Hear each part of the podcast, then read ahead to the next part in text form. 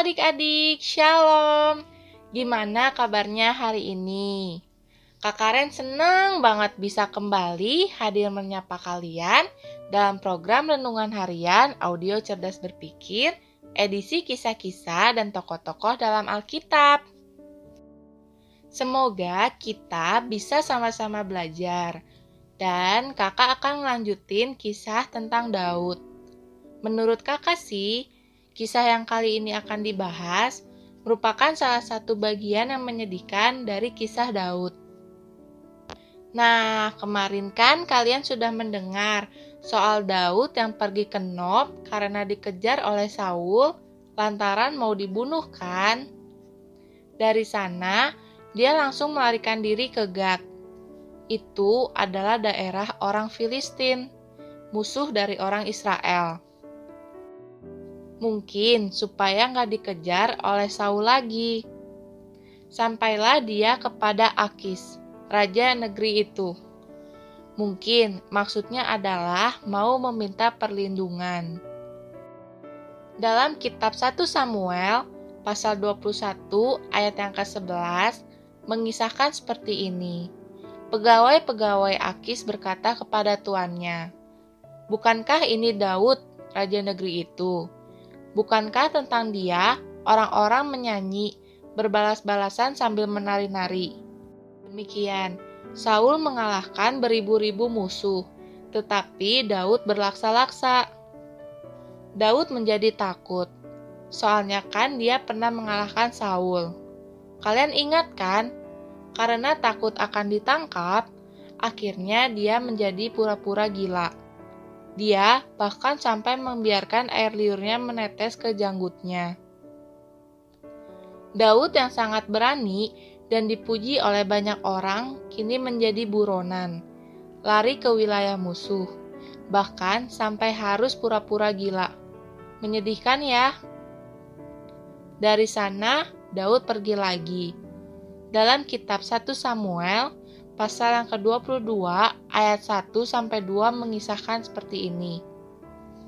Lalu Daud pergi dari sana dan melarikan diri ke gua Adulam Ketika saudara-saudaranya dan seluruh keluarganya mendengar hal itu, pergilah mereka ke sana mendapatkan dia.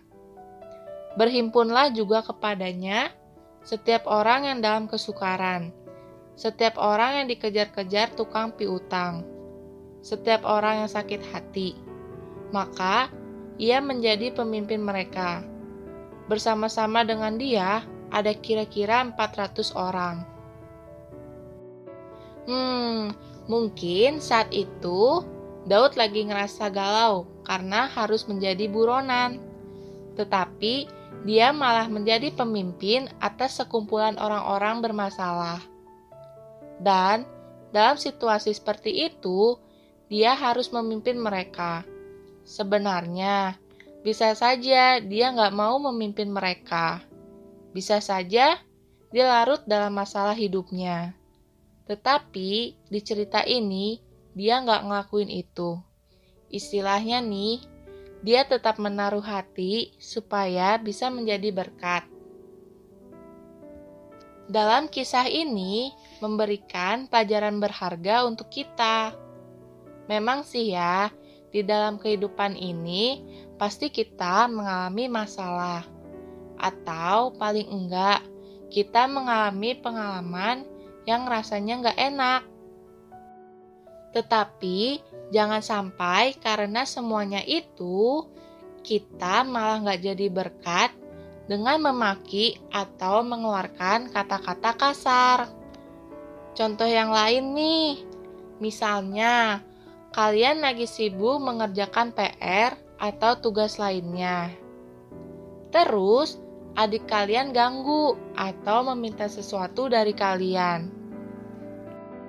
Nah, kalian jangan malah memaki adik kalian. Kalian bisa dengan baik-baik bilang sama adik kalian bahwa kalian lagi nggak bisa diganggu. Pasti akan ada banyak cara. Yang penting caranya adalah dengan baik-baik. Tentu masih banyak contoh yang lainnya ya. Memang kita pasti akan mengalami masalah. Tapi kalau saat itu tiba, yuk kita bersikap secara tepat, oke? Nah, adik-adik, sekarang yuk kita berdoa. Tuhan Yesus, terima kasih atas waktu yang telah kau berikan kepada kami, sehingga kami bisa mendengarkan sedikit bagian dari firman-Mu. Ya Tuhan, kiranya apa yang telah disampaikan dari firman-Mu ini bisa menjadi pedoman bagi kehidupan kami sehari-hari. Ya Tuhan, lindungilah kami dan ajarilah kami supaya dalam setiap kegiatan yang kami lakukan, kami bisa menjadi berkat untuk diri kami sendiri, untuk orang lain, dan untuk masyarakat di sekitar kami dan biarlah segala aktivitas yang kami lakukan bisa memuliakan namamu. Terima kasih ya Tuhan. Tuhan, sebentar kami akan melanjutkan aktivitas kami. Kiranya Engkau melindungi dan selalu menyertai kami. Terima kasih Tuhan, dalam namamu kami telah berdoa dan mengucap syukur. Haleluya. Amin. Oke deh adik-adik, Kak Karen undur diri dulu ya. Tetap sehat, tetap semangat, dan tetap jadi berkat ya. Tuhan Yesus memberkati. Dadah!